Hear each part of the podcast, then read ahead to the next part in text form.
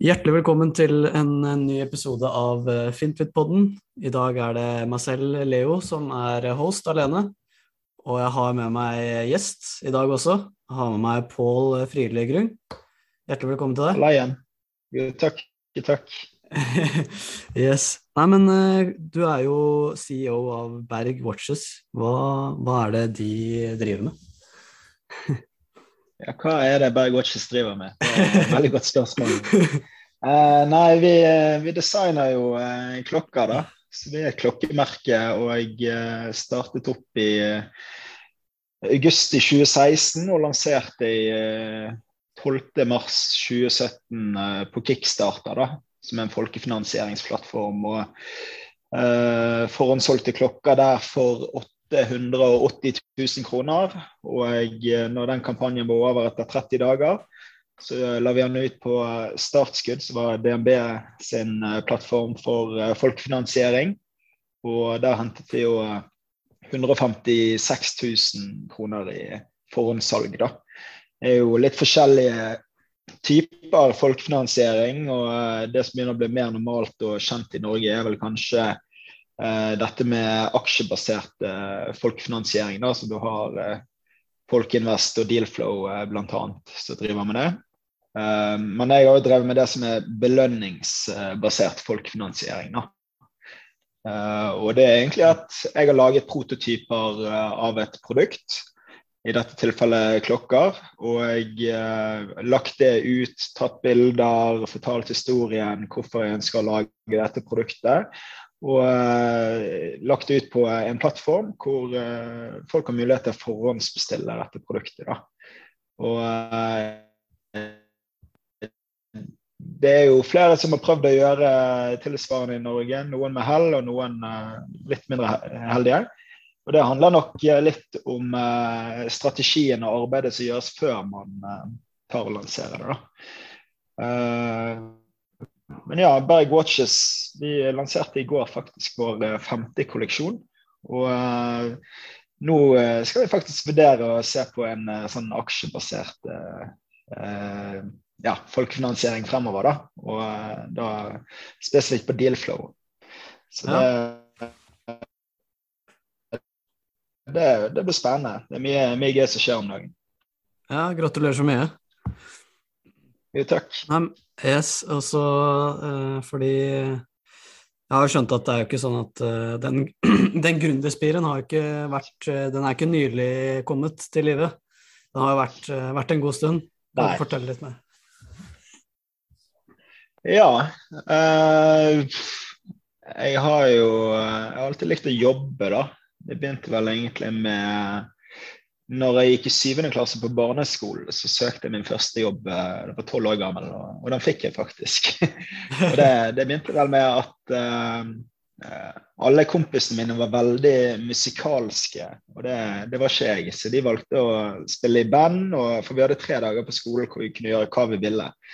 Og da gikk jeg faktisk ned på Peppers Pizza og spurte om jeg kunne jobbe der i tre dager. da, Og uh, syntes det var utrolig kult. å ja, få, få, litt ansvar, uh, høre på alle de voksne snakke og uh, ja, samtaler de hadde. og Alltid likt å være rundt folk som er litt eldre enn meg, og høre på hva de snakker om. da. så begynte jo å jobbe da jeg var tolv år. Jobbet i Peppes totalt i 13 år av livet mitt. Og mens jeg jobbet i Peppes Pizza, så lanserte jeg og en jeg jobbet med i Peppes Pizza, eh, Anders Lillevik. Vi lanserte et konsept som het Lustbox. Det, det, begynte egentlig med at jeg hadde vært på jobb på Peppes. Og jeg eh, kom hjem, satt på toalettet, bladde gjennom Instagram som de fleste andre gjør. Og jeg eh, der så et eh, amerikansk eh, konsept som het eh, Spressabox. da men de kjøpte mm. ikke til Norge. Og det, jeg hadde veldig lyst på uh, produktene og konseptet de lagde. Og, men de hadde òg litt samples og litt lavere prisklasse enn det vi valgte å ligge oss på. Da, da, da så vi at ok, her mangler jo det noe. For de sendte bare til uh, Canada og USA. Og vi ønsket å tilby dette til hele verden, egentlig. Så det, det gjorde vi. Vi, uh, vi hev oss rundt. Jeg tok kontakt med Anders, og uh, han var den eneste jeg kjente som uh, Dette var jo 2014 som hadde noe erfaring med nettsider i det hele tatt. La oss være ærlige i retrospekt at den erfaringen det var ikke mer enn noen timer på skolen i New York.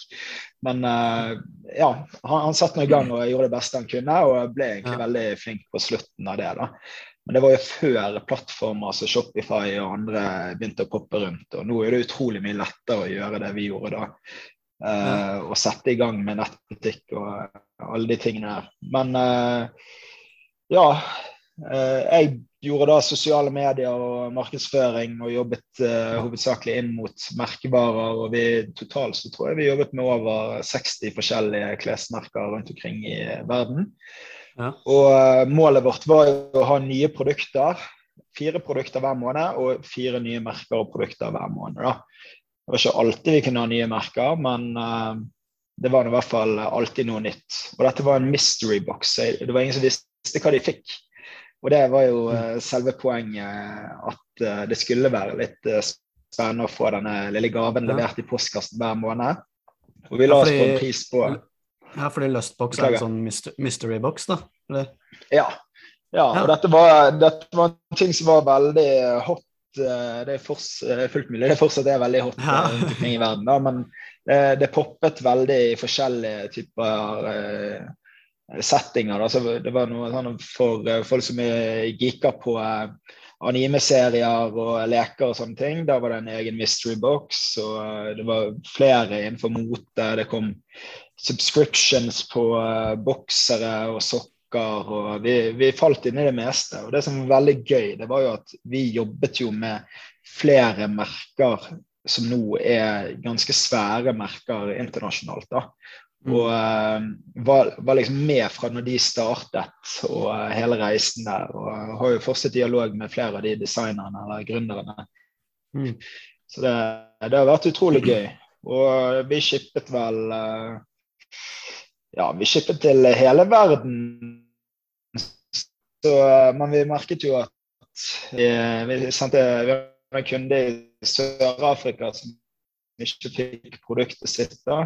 Uh, vi trodde jo at det var sånn at de bare ville ha pengene tilbake igjen, men det var 15-16 måneder seinere så dukket det opp en boks i retur hjemme.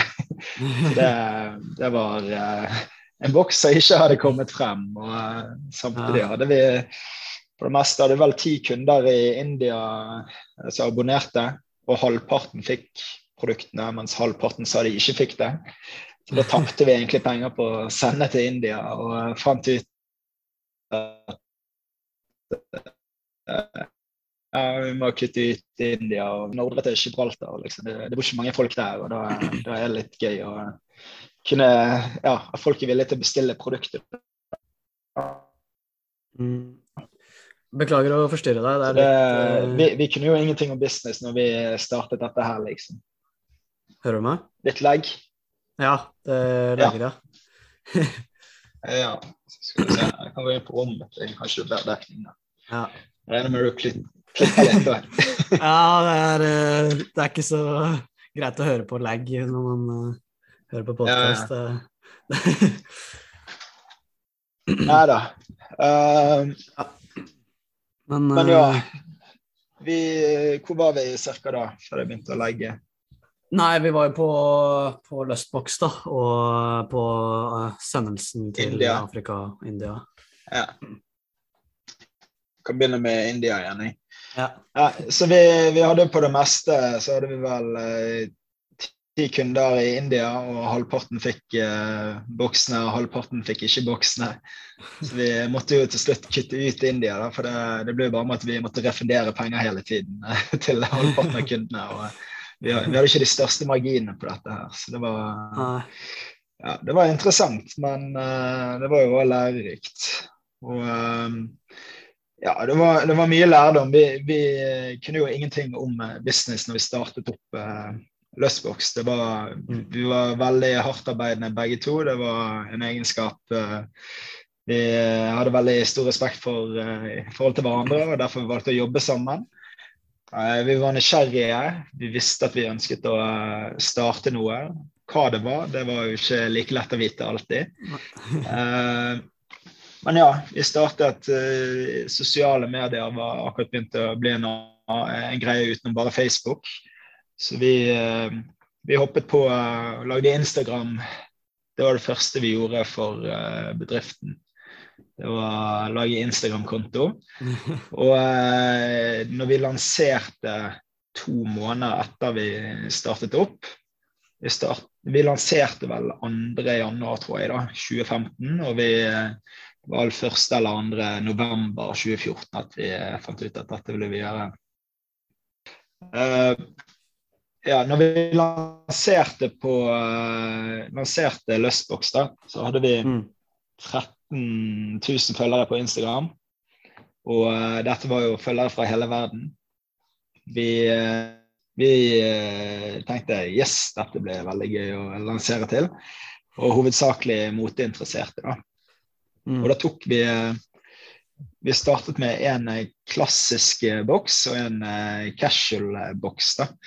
Vi solgte vel 32 uh, bokser første måneden, og uh, jeg tror det var tre av de som var den casual-boksen. Og da hadde vi på varelageret der for vi måtte bestille 100 av hvert produkt. da. Så vi brukte opp all egenkapital allerede første måneden på, på, det. da, Og da skulle vi ha et nytt abonnement som skulle leveres ut til kundene måneden etter. Så det var jo uh, sånn Hva gjør vi nå? Og Da fant vi ut at okay, det var bare én tilfeldig som vi ikke kjente, som hadde kjøpt den casual-boksen. Mm. Så da romsterte vi litt om på produktene, og vi hadde enkelte produkter som vi hadde bestilt i forveien, som kom inn. Og klarte å holde det gående i en måned til, og så ble det en måned til. og så vokste vi eh, sakte, men sikkert opp og lå på rundt 45 eh, bokser i måneden som vi shippet ut. Så tok jeg alle feriepengene mine, puttet de inn i at vi kjøpte, eh, kjøpte produkter fra et merke i Sverige som heter Grand Frank. da som var veldig sånn Instagram eh, mm. Eh, ja, populært på Instagram. De hadde vel 300 000 følgere og veldig samme greiene som Daniel Wellington poppet via der, og ble veldig stort. Og det at vi kunne få de i boksen, det, det var noe som skapte mye kredibilitet for våre kunder da, og nye kunder òg. Så Samtidig som det, det, ga en høy verdi på uh, boksen når vi shippet ut. For vi hadde fastpris i måneden på 40 mm. dollar. Og uh, gjerne gjennomsnittsverdien på varene lå på 80 dollar pluss. da. Så det var, du fikk liksom mye for pengene. Det var gjerne ikke alt som traff deg som kunde, men uh, ja, det var utrolig kult. Og etter et år med det, så hadde vi på det meste 350 kunder. da. Altså, vi har gått fra 32 uh, eh, kunder til 350 på ett år. Så det, det smalt, smalt, virkelig der for slutten. Og helt til Instagram endret algoritmene sine. Da, da, var ikke vi like høye i hatten lenger, for vi hadde brukt én markedskanal og var utrolig gode på den. Mm. Men plutselig så gikk vi fra, fra, fra å få 10-12 nye kunder hver dag til å få eh, ja, fire-fem, kanskje. sant? Og uh, det falt jo fra kunder eh, hver måned for det abonnementet eller kortet deres gikk ut. Og vi måtte tenke nytt. da. Så vi, for vi hadde budsjettert tre måneder frem i tid med varer og bestilt inn. Vi hadde budsjettert med en videre vekst. Og, og så kom jo vår første januar hvor vi skulle liksom sammenligne oss med salgstall fra måneden før og måneden før. og da var ikke vi så erfarne at vi visste at vi kom til å miste litt kunder i januar og februar, sånn som de fleste andre bedrifter gjør. Og, ja. Uh, ja, så det, Da satt vi plutselig igjen med litt varelager. måtte vi tenke nytt. Hva gjør vi da? Så hadde vi sett et konsept i uh, New York og London som heter Build a Bear. Så vi uh, lagde noe tilsvarende bare for boksene. da, Build a box. Så da kunne du velge mellom fire forskjellige typer produkter. Sette de sammen og putte det i en uh, egen boks. Så da betalte du en premiumpris. Men uh, du fikk nå velge produktene dine sjøl, så du visste at du ville like alle. Og du ville uansett uh, få en lavere pris enn det du ellers ville betalt.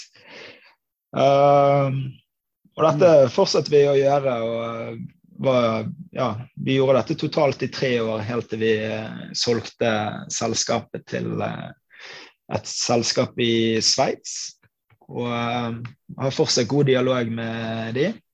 Mm. Så det, det, er veldig kjekt. Men uh, de, de, de, drev jo det videre i et halvt års tid før de la det ned og egentlig ja. solgte videre alt av varelageret. Jeg tror de innså at det var utrolig mye mer arbeid enn de hadde trodd det skulle være. da. Ja. Men uh, ja, de tjente penger, de òg, på, på, uh, på Lustbox, så det, det, var bra. Men ja, mens jeg holdt på med Lustbox, så var jo jeg og Anders uh, blitt enige om at uh, vi ønsket å selge det. Uh, vi ønsket å gå hver til vårt og gjøre forskjellige ting. Ah, han var ikke så opptatt av å gå moteveien lenger, og driver i dag stykkepizza som han har startet opp da i Oslo. og ja. De har vunnet Oslos beste pizza på Volt, og uh, han, og han, og min fetter de driver faktisk det sammen. og ja, det er kult. Utrolig god, ja, utrolig god mat. Så det, det var en gründer der òg. Begge, ja. begge, begge, har fortsatt etterpå. Men jeg ja. hoppet jo videre på uh, aleine, da, og startet uh, Berg. Og som jeg nevnte tidligere, så gjorde jeg det via folkefinansiering. Og uh, det handlet egentlig om at jeg var i dialog med når jeg startet det, så ble jeg egentlig kontaktet av noen investorer som uh, lurte på om jeg ville begynne med klokker. da. Så det, det har jeg veldig lyst til, for det jeg har gjort uh, egentlig ganske mye research. Uh, vi hadde jobbet med Daniel Wellington og Movement, som var de største klokkene på Instagram. og visste mye om hvordan de opererte både produksjonsmessig og eh, markedsføringsmessig og alt mulig. Jeg mm. tenkte her er det mye muligheter, og jeg hadde jo testet de fleste produktene, for de sendte oss en haug med klokker. Og, eh, og, så jo at det var noe som manglet her, da, på eh, kvalitetsnivå. Det måtte gjerne opp et lite hakk til. og Da var det ja, litt på reimene og eh, på eh, batteritiden, på glasset, og at jeg ville fikse de tingene der, da. Designe litt på eh, de tingene jeg syns var kule, da. Det er jo veldig minimalistiske klokker. Så det var liksom OK, hva gjør man nå? Det er veldig vanskelig å designe noe annerledes som er minimalistisk, men jeg føler liksom at det er noe jeg har klart å få til når jeg har laget uh, i hvert fall uh, Ulriken-klokken, som er den mest stilrene av de alle. Mm. Den, den, har jo uh, ja, har ikke minutt, nei, han har ikke sekundviser. Det er puttet uh, uh, datomerke puttet det ned på firetallet. De fleste klokker har jo det på tretallet eller sekstallet. Mm. Uh, romertall på tolv og sekstallet. Og ellers veldig enkelt. Eh, ja, veldig stilrent. Og den klokken har jo solgt noen tusener av og er utsolgt per nå. og Vil snart gå inn i en ny produksjon. Og da, da vil jeg gjøre noen justeringer på uh, det nye designet på Ulrikken. Ikke, ikke designmessig, gjerne. Eller deler av designet, men ikke de viktigste bitene. Så, og så vil jeg lage en automatisk versjon. Mm. Ja, du har jo gått for et veldig sånn skandinavisk eh, design, da. Og, og merke, da. Ja, mm. absolutt. Um, det har jo For min del så har det handlet om å designe ting jeg har ønsket å, å eie sjøl, da. Og mm. det har jo jeg gjort i ja, nå åtte, ja, syv år, egentlig. da. Det har alle produktene som vi har bestilt inn, det har jo vært uh, produkter jeg har hatt lyst på når det har vært i Lustbox. Vi begynte å designe våre egne produkter der på slutten og lærte utrolig mye om produksjon og, og jobbe med fabrikker og uh, hvor nøyaktig man må være og presis. Liksom. hver eneste detalj må du spesifisere. Sant? Og, uh, det er mye snarveier som gjøres på fabrikkene for å, uh, å prøve å spare noen kroner her og der. og Hvis det går utover kunden, så går det veldig fort utover merkevaren din. og ja, det er kanskje så har det vært å designe og ha troen på meg sjøl at uh, det jeg eh, synes er kult, det håper jeg at veldig mange andre synes er kult. da. Mm. Så vil jeg si at ja, de fleste jeg har truffet på, kanskje Holmenkollen ikke var Det vel den klokken jeg designet som var minst populær. Nå har jeg designet fem totalt. Og eh, den første det var Ulrikken. Så laget jeg en under sykkel-VM eh, i Bergen. Den ble utsolgt på tolv dager, 300 klokker. Uh, og så hadde jeg Holmenkoll som var den tredje. Og grunnen til at jeg tror den gikk litt treigere, det var fordi at det var den første klokken Det var verdens første klokke du kunne betale med som ikke var en smartklokke. da. Så det var jo det hadde jeg liksom ikke regnet med at det skulle være en sånn utdannelsesprosess der på kunden for at de skulle forstå eh, alt rundt det. Men òg eh, egentlig eh, at bankene skulle være så treige på å hoppe på eh, noe mm. så nytt. da, For de, de ønsker å være innovative. og Veldig mange banker som jeg hadde snakket med, de, de var jo positive og eh, ønsket å være tidlig ute på dette. og i hvert fall to av de jeg snakket med tidligst, de har jo ikke begynt med dette sjøl engang. Så det, det, er litt komisk uh, hvordan de tingene endrer seg. Og, men det er jo det man lærer i business. Man kan ikke gjøre seg avhengig av andre og hva de sier. Og, det kommer utrolig mye lovnader, men uh, ja. ja. Det er, ikke, ja, for det, det, er, det er kanskje det som er hovedforskjellen da, mellom deg og andre ja, vanlige klokkemerker. Eh, det er jo at du kan betale med en sånn klokke som ser ut som en tradisjonell klokke, da. Men at du har en NFC-teknologi i reimen, er det ikke Jo. Eh, jeg vil si det er to ting som skiller oss veldig ut. Da. Det er jo eh, det med betaling, og at vi var jo første klokkemerke i verden til å bruke lakseskinn til å lage reimene våre. da. Mm. Og i ettertid så har jo flere prøvd å kopiere oss på det. og Jeg vet ikke hvor heldige de har vært, eller uheldige de har vært, men uh, til syvende og sist ja. kommer jo folk fra ja, både innland og utland og sier jeg ser disse her prøver å kopiere, liksom. sant? Så de har jo fått med seg hvem som var først ute med det. og mm. ja, Jeg tror jo at det å være ja, tenke nytt rundt noe som allerede er etablert, på en måte, det, det tror jeg er viktig ting. Og så får vi se. Nå, uh, nå er det liksom ja, flere design som jeg ønsker, med, jeg ønsker å lage. og uh, man skal ha litt innovative ting der òg, da.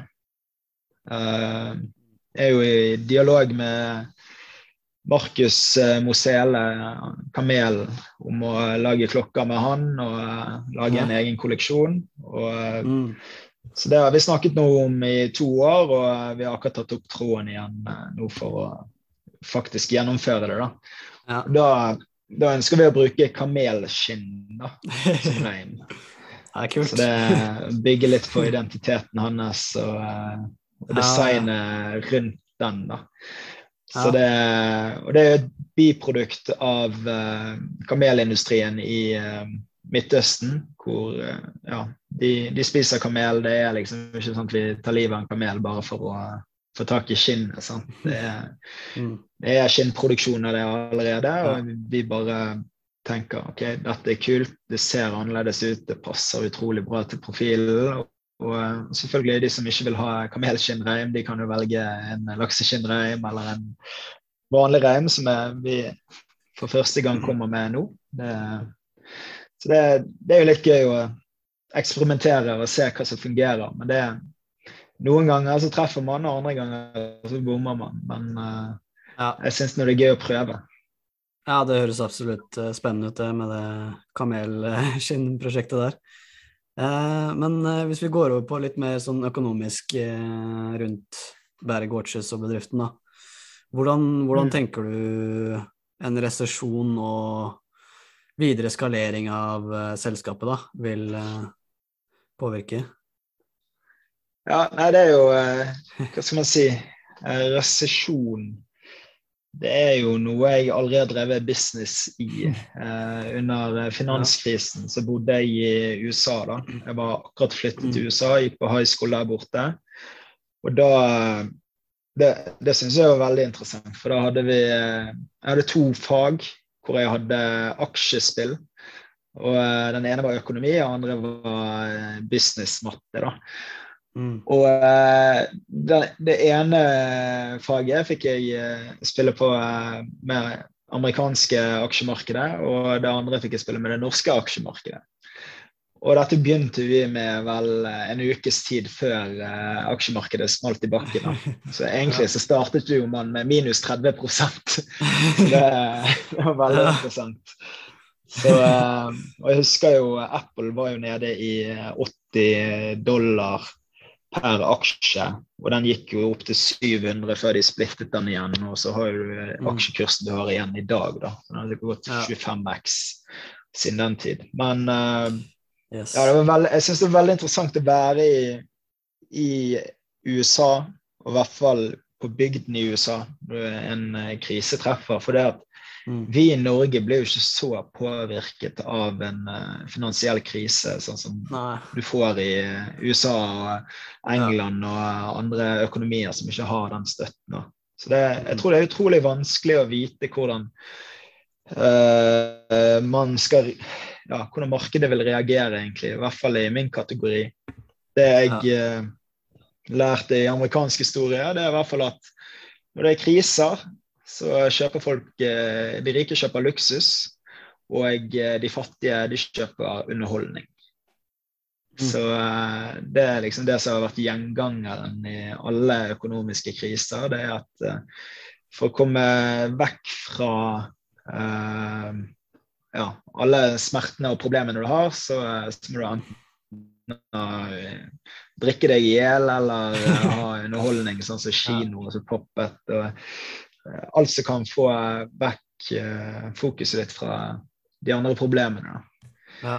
Så uh, kanskje folk kjøper klokker, kanskje de ikke kjøper klokker. Men uh, jeg tror at der vi er på vei nå, så er det Ja, vi, vi, vi designer nå produkter inn mot uh, ja, både artister og fotballag og andre. Og med fokus på designet rundt følelser. Eh, det vil si at historiske elementer som har skjedd, enten antall ligatitler når noen vant Champions League, eller en legendespiller ti år siden de vant sin første tittel. Så det er veldig mange sånne ting da, man kan gjøre. og I forbindelse med kamel, bruke kamelskinn. Uh, og det, Uansett krise så er det alltid eh, mer enn nok med folk som har penger og muligheter. Altså, man må jo bare vri seg rundt og finne hvem er det man skal treffe og kommunisere med i en slik situasjon. Og uh, ja, for man kan ikke bare ligge nede og vente heller på at krisen er over. for Det, det kan jo fort ta noen år. Sant? Så mm. det, det, er liksom prøve å finne okay, hva gjør man nå under en krise. Hvordan, løser man dette? Hva type produkter? Ja, kanskje vi kommer med armbånd istedenfor uh, å bare ha klokker. sant? Uh, mm. Det er noe vi har sett på.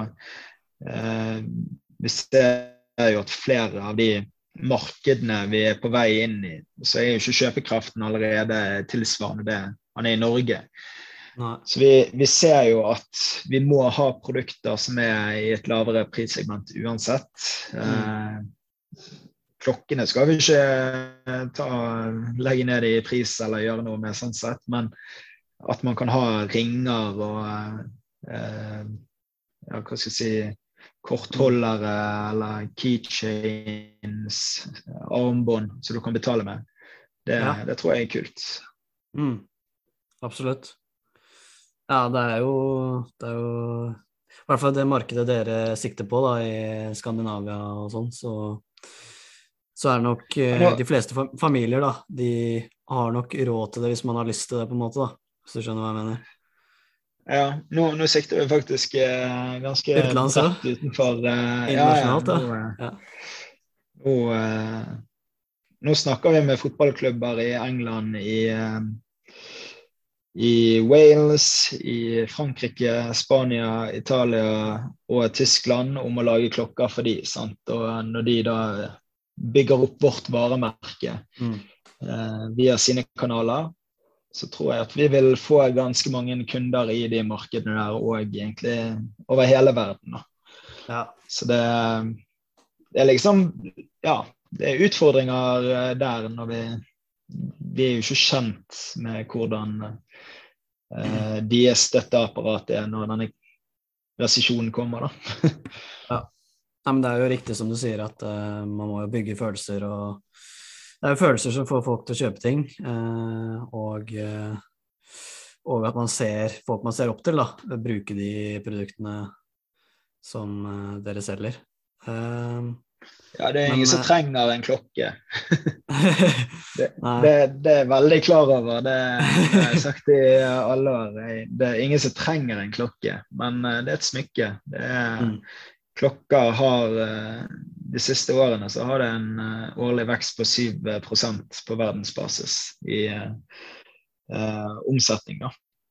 Mm. Så det er jo et voksende marked, og uh, til tross for at det er ingen som trenger det, for alle har klokken på mobilen. Mm. Så Ja. Nei, men du har jo litt utdanning i grunnen også. du har jo en bachelor i økonomi og administrasjon, i hvert fall, og vært og mm. studert i USA. Ja.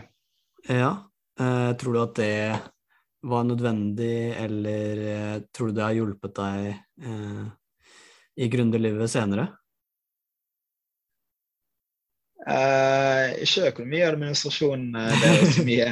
For uh, jeg skal være ærlig, jeg var, ikke så, jeg var ikke så mye på skole, egentlig. For det var midt i når jeg startet det første selskapet. Så jeg var vel på skole første året og, eh, og så var jeg på skolen siste halvåret når jeg gjorde bacheloroppgaven. Men det, det gikk jo veldig utover Løsboks da, at jeg uh, måtte sitte og skrive en uh, bacheloroppgave, for det, det, tar jo fokus.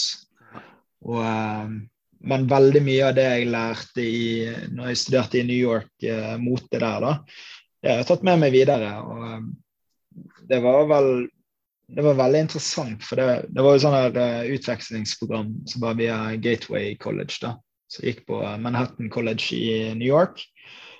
Og Der hadde jeg uh, fire fag. Business English, entreprenørskap, markedsføring og fashion management. da. Ja. Og da er det liksom visse elementer som har hengt seg fast i, i hodet mitt i forhold til de fagene der. da. Og i, når det kommer til mote, så, så, er det veldig morsomt. For han læreren sendte oss ut i, ja, i Soho og bare ja, ok, gå inn i minst fire butikker. Eh, finn fellesnevneren i hva som blir neste sesongs eh, farge eller eh, designmønster. Og så vet du hva, hva du skal designe etter, egentlig. da. Eh, for det er veldig enkelt. Alle alle går jo for det samme, og så prøver de å finne sin vri, egentlig. Så det er forhåndsbestemt hva som blir eh, Det finner man på catwalken rundt omkring. Ok, Hva er det som kommer nå om en og en halv sesong, en sesong? Det, det, finner du på catwalken. Og så kommer Sara og alle disse fast fashion-merkene ut med disse designene mye fortere enn eh, de store motehusene. Og så tar det gjerne litt tid før det virkelig treffer mengdene. da. Men uh, det Ja, det bommer sjeldent. Det er de og de mønstrene som går igjen. Det er de og de fargene.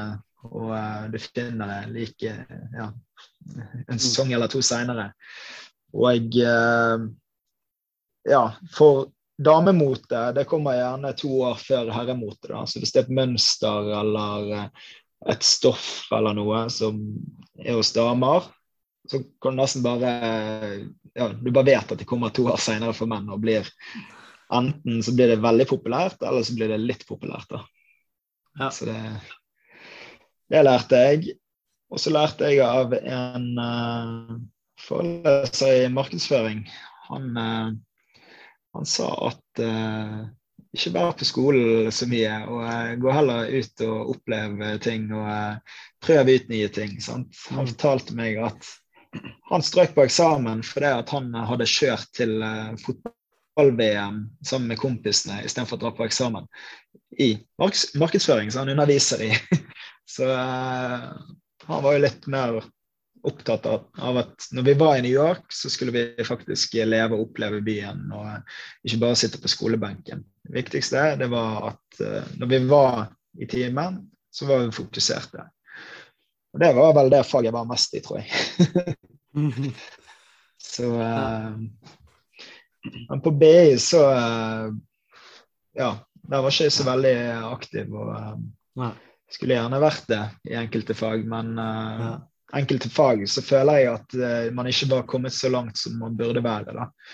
Uh, hadde jo sosiale medier, og det var jo litt spesielt. Jeg fikk jo en C i sosiale medier, til tross for at jeg hadde mest sannsynlig mer erfaring enn foreleseren min. Vi hadde på det tidspunktet vel 29 000 følgere på Instagramen vår og noen tusen på Facebook, og vi hadde vel 2500 følgere på Snapchat til Lustbox, og læreren ah. hadde vel 500 følgere eller likes på uh, hans uh, eh, T-selskap på uh, Facebook. da. Mm. Ja, så algoritmene gir deg egentlig bare det de tror at du vil ha. da. Mm. Og jeg ja, det, det, ville jo ikke vært i en uh, lærebok som var skrevet et år eller to tidligere. og det samme er jo litt med innovasjon. Eh, hvis du tenker uh, dagens marked for selskaper og gründere som er ute og henter kapital. Sant? Alle investorer vil ha kun, så å si kun investere i gründere som allerede kan vise til at de tjener penger når de skal inn i en serie A, serie B og videre. Uh, selvfølgelig er det ikke relevant for software as a service-selskaper som er i en seed-runde og nettopp startet opp og skal ha ut første versjon av selskapet sitt.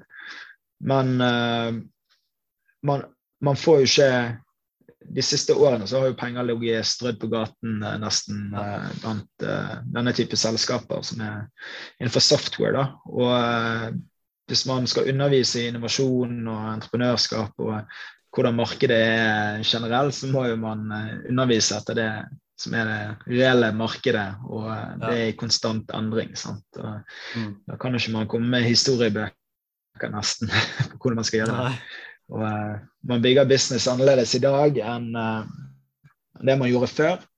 Uh, jeg har jo veldig troen på community-baserte forretninger. da.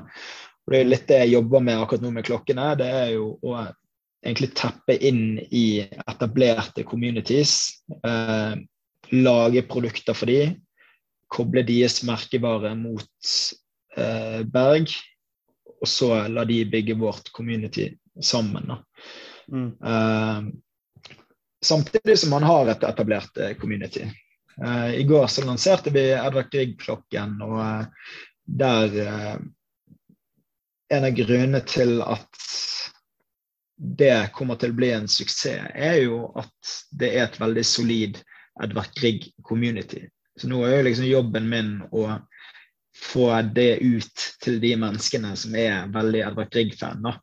Ja. Og uh, som, som, setter pris på historien bak det og alt som ligger rundt. Uh, dette er en klokke jeg har designet på i ett og et halvt år. Og første klokken jeg lanserer på tre og et halvt år. Så mm. nå uh, Det er jo veldig gøy å komme til gang. og ja. Jeg eh, brukte ikke en krone i markedsføring når jeg lanserte den. Jo, og det var vel 1500 mennesker innom uh, nettsiden i går. Det var uh, uh, Vi hadde vel omsatt for mer enn depositumet på å sette produksjonen i gang, da, som er 20 av av selve kostnaden av produktet. Så det ble, veldig, ble en skikkelig kickstart. da på, på, dette. Og for min del så var det sånn Jeg ville teste og se hvordan det ville gå uten å gjøre noe markedsføring. Jeg annonserte det dagen før han ble lansert, klokken. Og jeg eh, Ja. Det, bare det at det var så stor interesse uten å ha bygget noe hype i det hele tatt, det, det var veldig gøy. Så Mm. begynner jo jobben nå egentlig med å ja, bygge videre på kunnskapen om produktet. Eh, finne de, de som er interessert i dette produktet. Men målet med å få den ut akkurat nå, det er egentlig at man skal ha et varelager og bredde i varelageret med produkter til man lanserer eh, nå med flere store klubber eh, på nyåret. da, Samarbeid. Og når plutselig det kommer flere tusen mennesker inn på nettsiden om dagen, så kan ikke du bare ha to-tre design. Sant? Det må være litt bredde i det. og Ja. litt forskjellige prisklasser så de kan velge mellom. Og, um, så Derfor var det veldig viktig for meg å få den ut nå. Samtidig som jeg har hatt lyst til å gjøre det i veldig lang tid. Så det, Mm. det var veldig deilig å få den ut i markedet. Ja, men det er bra. Eh, du snakket om eh, ny folkefinansiering. Er det Ja. hva, hva er dine tanker rundt det, og når er det vi kan forvente kanskje å kunne investere i din bedrift? Ja, nei, det eh, Og det er jo litt tilbake til det jeg sa om eh, community-baserte eh, selskaper. Da. Det er jo at hvis du har et produkt som treffer veldig mange mennesker, og de liker produktet ditt, så bør du invitere de inn på eiersiden, for de er dine beste ambassadører før du allerede inviterer de inn.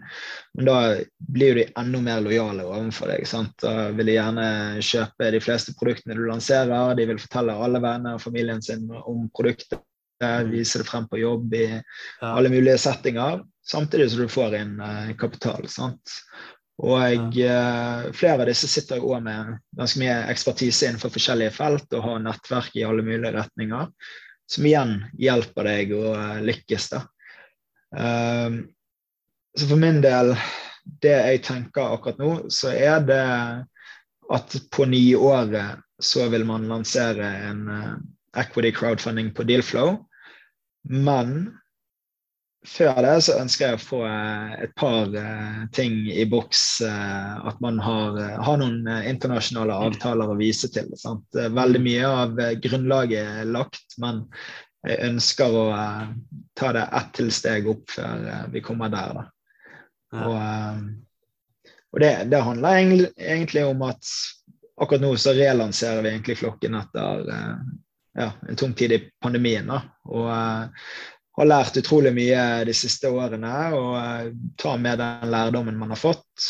Den har vært dyrekjøpt, men Uh, ja, jeg tror at på sikt Man er jo fortsatt ung, 31 år nå, og Ja. jeg tror jo at uh, de neste 30-40-50 årene jeg får foran meg i business, så, så, vil jeg ha veldig bruk for uh, de tingene jeg har lært i min unge alder. Da.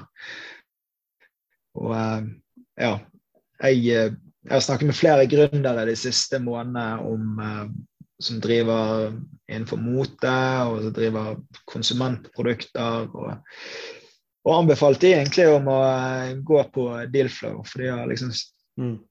Jeg hater når man er nødt til å stå og tigge etter penger til investorer. Sant? Du står og pitcher og Man føler seg litt, litt uh, liten nesten når man står og pitcher til investorer. Man. Som regel har man bygget noe, noe man er stolt over. og uh, men ja, når det sitter 100 investorer i rommet, så er man giret. Men det er bedre å få inn 400 investorer som kommer med andre ting enn bare penger, enn å få inn én investor som kommer kun med penger.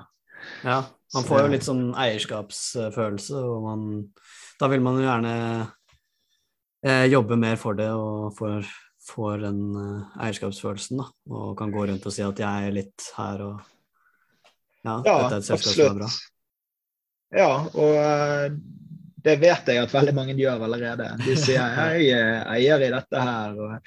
Det er, det, er, jo mer enn noen gode eksempler på at folk, folk, har lykkes med å bygge varemerker og produkter med folkefinansiering. Så, og for min del, jeg tror det blir utrolig lærerikt. Man trenger ikke gi fra seg halvparten av selskapet bare pga. man skal gjøre en folkefinansieringsplattform. Nei, kampanjen. Men eh, jeg tror det er viktig å invitere i hvert fall eh, de som er mest, mest giret eh, inn på eiersiden. Da. Mm. Vi jobber jo nå med Curve, som er et, en digital bank i England. Og de har jo hentet nesten to milliarder kroner via folkefinansiering på denne måten. Mm. Så vi er jo superhappy med at vi har klart å bli en partner av Curve. Og ja, de, de, de, åpner egentlig betaling for oss i 33 land nå, da. Fordi at mm. alle våre kunder, så lenge de har Visa eller Mastercard, så vil de kunne koble seg på Curve, som igjen kobler seg til oss. da. Ja. Og uh, på den måten, hvis du har et DNB-kort, så kan du koble deg på Curve, og så kan du koble deg på Berg etter det. Og, uh, Akkurat det. Da, ja. og uh, altså det, det, er utrolig kult å sitte i Vi driver jo mye med konseptutvikling sammen i tillegg. Sant? Og du sitter med folk i ledelsen der som driver med forretningsutvikling og, og driver og sparer med de, det er, det er veldig gøy. Og uh, i hvert fall når det er internasjonale selskaper. Sant? Man er jo vant til å snakke med norske gründere og hvordan det er, men det er greit å vite hvor man står uh, internasjonalt, og at man, man, klarer å være i den ligaen. ja. Så det er gøy. Ja, men Det er veldig spennende. Eh, nei, men Jeg ønsker deg lykke til videre, og lykke til med folkefinansieringen eh, muligens på nyåret. Og så takker jeg så ja. veldig mye for at du tok deg tid for å bli med på denne podkasten. Takk for invitasjonen. Satte veldig pris på det. Er alltid, alltid kjekt å, eh, å, snakke litt og mimre litt om uh, oppstartsdagene og hvor man har kommet fra. Jeg tror det er viktig å se litt tilbake i tid. Ja, Nei, men Supert. Nei, da takker jeg dere som lytter for at dere hørte på, og så snakkes vi i neste episode.